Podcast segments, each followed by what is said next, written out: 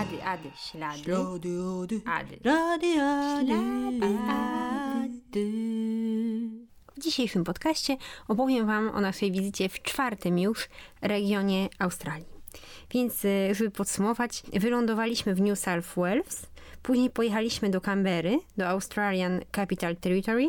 Great Ocean Road znajdowała się w Wiktorii i dzisiaj jedziemy w stronę Adelaide jak się przyjeżdża z jednego do drugiego stanu, to czasami są takie reguły, o których trzeba pamiętać. Trochę tak jak na przykład się przyjeżdża też do Kanady samolotem, nie wszystkie można rzeczy ze sobą zabrać, tak? Że są jakieś reguły. Jeżeli chodzi o alkohol, to też, o papierosy oczywiście, ale nawet jeżeli chodzi o orzechy, czy o jakieś jabłko, które mamy w bagażu, to nie mamy prawa go wnieść na teren Kanady, ze względu na wymianę tych wszystkich robaków i jakichś innych chorób, a propos właśnie spożywki. Wtedy właśnie autostradą jechaliśmy z Wiktorii do południowej Australii, stanu, w którym znajduje się miasto Adelaide.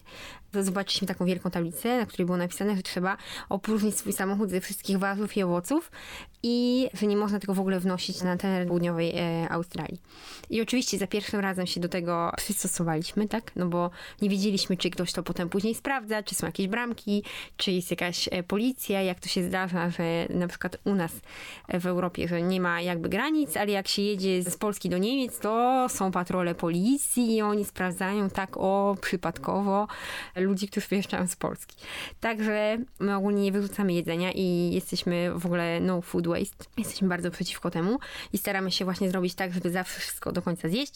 Więc staliśmy właśnie na tej granicy, pamiętam, i jedliśmy wszystkie jabłka, jeszcze jakieś pomarańcze i, i inne rzeczy, żeby, żeby nie przewozić tego do stanu południowej Australii. Co oczywiście jest e, niekontrolowane przez e, żadne patrole, ale o tym dowiedzieliśmy się później, następnym razem, jak, jak już zauważyliśmy, że, że ta tendencja nie ma miejsca w Australii, to przygotowywaliśmy się tak, oczywiście, żeby tego było jak najmniej, tak, tej spożywki, no ale jeżeli nam się zdarzało mieć jakieś jabłko, to nie wpychaliśmy go na siebie e, na hama od razu przed, przed granicą tych stanów. Przyjechaliśmy właśnie przez tą granicę, no i, e, i zauważyliśmy w ogóle, że musimy wymienić pieniądze. Więc e, powiem Wam dzisiaj trochę też o transferach pieniężnych, jeżeli chodzi o waluty. Mieliśmy bardzo dużo franków, bo ja miałam, znaczy bardzo dużo, nie o to chodzi, że byliśmy bogaci, nie. Chodzi o to, że mieliśmy franki do wymienienia, tak? Bo e, ja miałam to moje dofinansowanie z e, Genewy, ze Szwajcarii we frankach na moim szwajcarskim koncie i tutaj możemy obalić schemat szwajcarskiego konta, które zawsze jest wypchane pieniędzmi, bo biedacy tacy jak e, my ówcześnie właśnie też mogą mieć konta w Szwajcarii i to wcale nic nie znaczy. Więc musieliśmy wymienić te franki. No i oczywiście chodziło o to, żeby kurs był jak najlepszy. Jeżeli wybieramy na przykład franki, a już szczególnie w Australii, poza Europą i tak dalej, ceny jakby tych transferów są tak ogromne, że w ogóle się nie opłaca tego robić i y, waluty są nic nie warte. Także musieliśmy znaleźć inne rozwiązanie. I pamiętam wtedy właśnie, że porozmawiałam z moim bratem, który pracował w Niemczech i powiedział mi, że w Polsce fajnie działa cinkciarz i że można było z tego skorzystać. Więc niewiele myśląc, ja wykreowałam e, konto na cinkciarzu i wysłałam mi pieniądze. Tylko okazało się, że Cinkciarz miał w ogóle jakiś problem i to było zaraz przed weekendem i to w ogóle był pierwszy transfer i zajęło mi to chyba, nie wiem, 10 dni, żeby ten transfer przeszedł. Także powiem wam, że ja miałam takie wrażenie, że to będzie takie szybkie, więc nie przygotowywałam się za to, do tego za bardzo, po prostu wykreowałam to konto, wrzuciłam wszystkie pieniądze na tego Cinkciarza i okazało się, że zostało, nie wiem, może 40 dolarów w kieszeni i zbliżaliśmy się do takiej miejscowości Beachport, i właśnie rozmawiamy z Luką, że w sumie nie mam pieniędzy i jest piątek i oczywiście ten transfer na pewno do poniedziałku nie przejdzie. Więc stwierdziliśmy, że zatrzymamy się w tym Beachport i po prostu przeczekamy jakby ten czas tego transferu. Bo mieliśmy no 40 dolarów, to jest ogólnie nic. Nic w ogóle. Benzyna niby nie jest droga w Australii, tak? Bo tam czasami nawet za, nie wiem, za 80 centów e, mieliśmy za litr, co w ogóle nie jest naprawdę wygórowane. E, szczególnie jak na tamte realia, no bo za, zarabia się mniej więcej na godzinę 20 dolarów, powiedzmy sobie. To jest chyba ich najniższa stawka netto, także spoko, no ale jednak, nie? Nie wiadomo, kiedy przejdzie ten transfer, czy to zajmie 3 tygodnie, czy to w ogóle będzie działało i tak dalej, także byliśmy troszeczkę zablokowani. Więc e, zatrzymaliśmy się w wiosce Beachport. I znaleźliśmy właśnie na tej naszej aplikacji z gwiazdkami, tam gdzie można się zatrzymywać i tam gdzie można teoretycznie oczywiście, tak, no bo to nie jest tak, że tam jest y, jakiś spot i można sobie spoko tam chillować, tylko po prostu nikt tego nie sprawdza, ale albo wielu osobom zdarzyło się tak, że nikt im tam nic nie sprawdził i nikt im nie dał mandatu. Naprawdę w centrum tej małej wioseczki Beachport, możecie sobie zobaczyć nawet na Google Earth, jak was to interesuje, bo tam jest tylko jedna ulica. Przed sklepem był taki parking i zaraz były takie słupki z gniazdkami. To jest ogólnie wszystko, co potrzebuje e, osoba mieszkająca w samochodzie. Aha, no i e, toalety też były publiczne, z prysznicem. Także ogólnie idealnie. Nie trzeba było za nic płacić, w sensie za elektryczność, ani za prysznic. Były toalety, które były otwarte 2-4 na H. Sklep nie był nam potrzebny, bo nie mieliśmy pieniędzy. Jedliśmy ten nasz makaron, e, którego mieliśmy milion kilo e, po jakiejś promocji z supermarketu. I tak to wyglądało. I ogólnie to był listopad. W sumie chyba mniej więcej nawet ten sam czas, co teraz jest.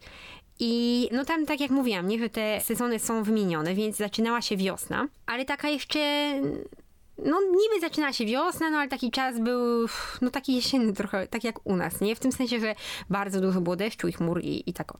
No i e, siedzieliśmy sobie w tym samochodzie w Beachport i właśnie nawet z Luchą się zgadaliśmy, że ja nie widziałam Star Wars w ogóle, nigdy w życiu. I na początku w ogóle naszej relacji powiedziałam mu, nie, nie widziałam tego bzdura, jakiś science fiction, w ogóle nie będę nic oglądała takiego. Tam, no, kosmonauci, nie wiem, czy pamiętacie w ogóle, był taki program, już nie pamiętam, czy to był serial, który nazywał się Jajogłowi i też był Star Trek. A może no nie wiem. Star Trek to w ogóle jest koszmar mojego dzieciństwa. W tym sensie, że czego nie włączałam w telewizorze, to zawsze był Star Trek i to było obrzydliwe dla mnie. Te ich e, takie blizny na czole, w ogóle jakieś, nie wiem, kaloryfery na czole. Nie wiem, kto tam co jarał, ale ogólnie e, do mnie to w ogóle nie przemawiało i nie mogłam tego znieść. W ogóle nie widziałam żadnego sensu. Te postacie mnie odrzucały. Więc ogólnie dla mnie Star Trek i Star Wars to było to samo. Wiem, nie krytykujcie mnie, tak po prostu było kiedyś. Już dzisiaj jestem wielką e, fanką Star Wars i w ogóle Baby Yoda serial oglądam po prostu w każdą niedzielę. Także wiem, wiem, że to jest dzieło sztuki i że to w ogóle jest nieporównywalne, ale kiedyś ówcześnie tak było. Więc Star Wars, e, Star Trek i Jajłowi to było dla mnie ta sama historia. No ale skoro byliśmy, jakby e, ugrzęzniliśmy w tym Beachport przez parę dni, mieliśmy jeszcze e, nielimitowany internet przy tym gniazdku, to to jeszcze o, tym, o tym zapomniałam. Więc ściągaliśmy sobie te wszystkie Star Wars, tą całą sagę i zaczęliśmy to oglądać. Więc nasze dni mijały na tym, że padał deszcz, więc siedzieliśmy w samochodzie z zaparowanymi szybami. Tylko przez szybę wypuściliśmy kabel od przedłużacza tego gniazdka, a z drugiej strony e, kabla był nasz komputer i siedzieliśmy z tyłu na pace na materacu i oglądaliśmy Star Wars. I tak mijały nam godziny i dni. To też był e, czas Halloween w ogóle i kupiliśmy sobie taką maskę za jednego dolara. E, właśnie tą, którą widzicie na jednym zdjęciu z cover picture. E, właśnie śmieliśmy się, że, że Halloween to u nas już jednak nie taki jesienny czas, że liście spadają i tak dalej, a tam właśnie, no niby taki jesienny czas, no ale właśnie ta wiosna, nie? Że wychodzą kwiatki i pierwsze liście i tak budzi się wszystko do życia. Ogólnie, jeżeli chodzi o atmosferę w Beachport, to naprawdę było creepy. W tym sensie, że... Yy, no mega, tak w ogóle wyludniony, tak przez weekend chyba nie widzieliśmy, w ogóle nie wiem, od cztery osoby widzieliśmy. No ale my tam sobie spacerowaliśmy, trochę chodziliśmy sobie po molo, które właśnie było zaraz przed naszym samochodem, no i czekaliśmy na ten transfer. To trwało chyba 5 dni albo 6, nie wiem, ale to w ogóle było takie długie, wydaje mi się, że 5. Ale nieskończenie, to po prostu było nieskończone. I jeszcze trochę stresowaliśmy się, no bo jednak byliśmy w samym centrum, tak?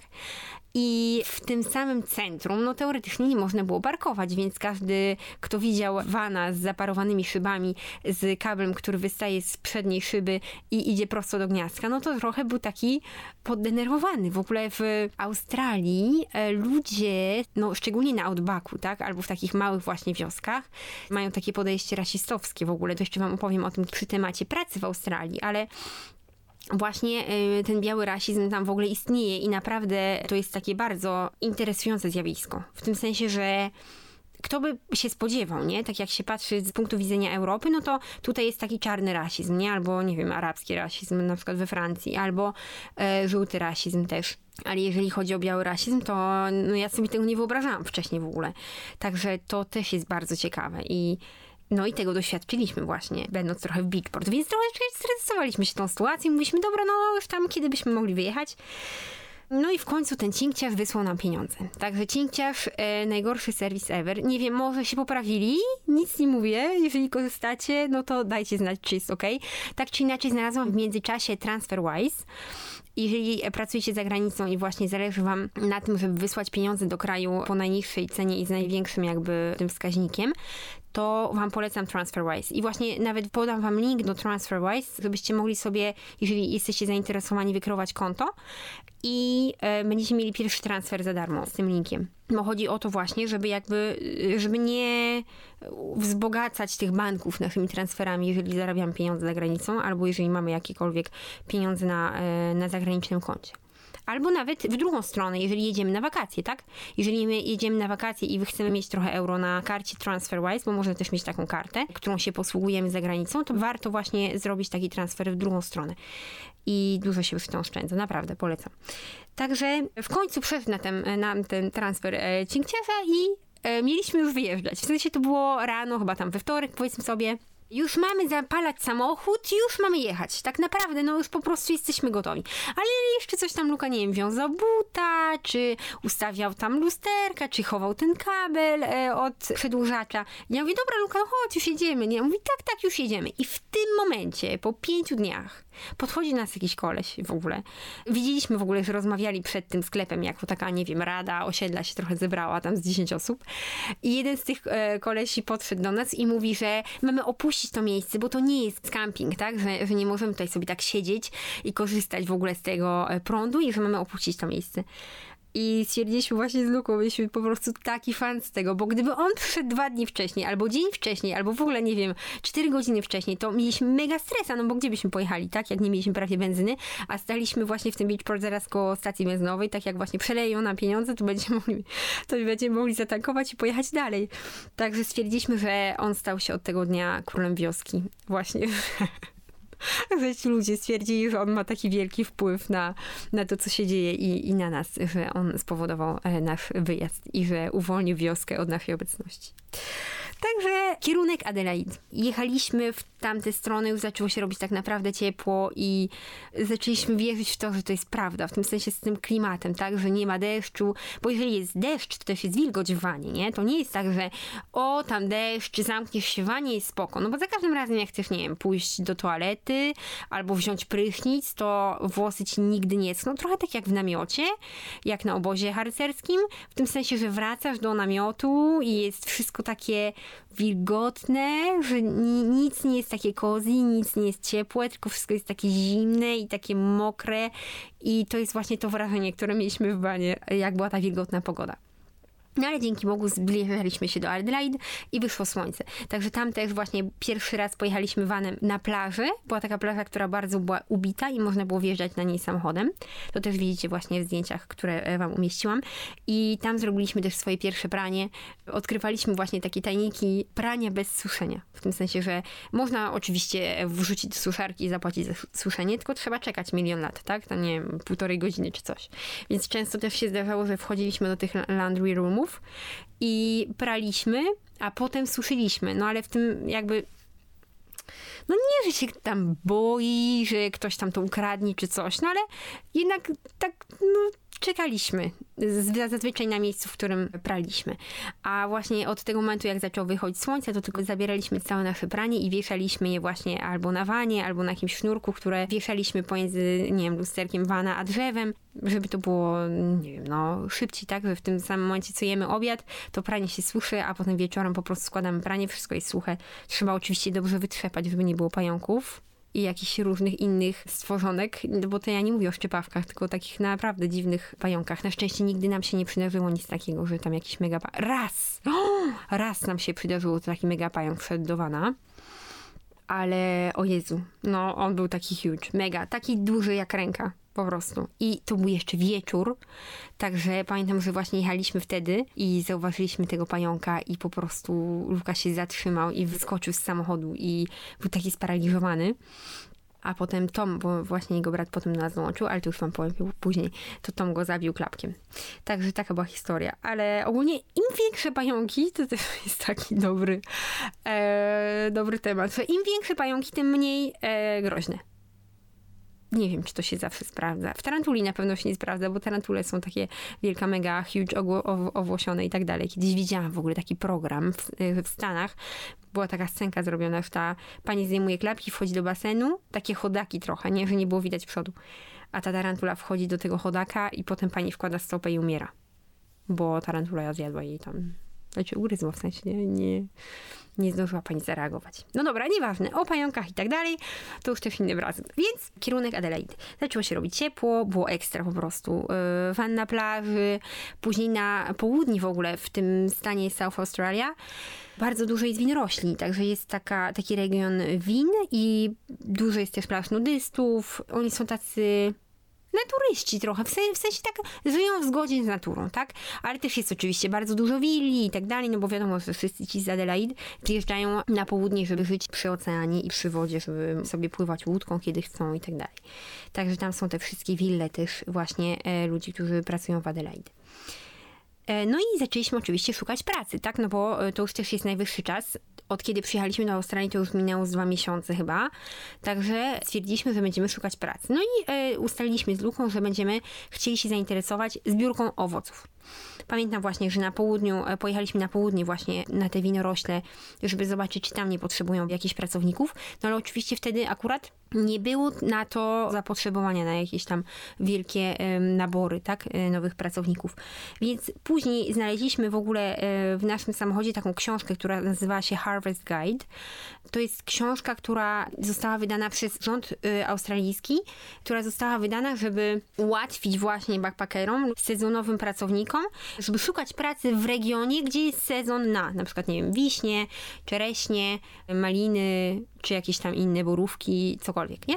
Więc korzystaliśmy właśnie z tego Harvest Guide i zauważyliśmy, że jest sezon na pomarańcze. No więc stwierdziliśmy, że, że pojedziemy do Renmarku.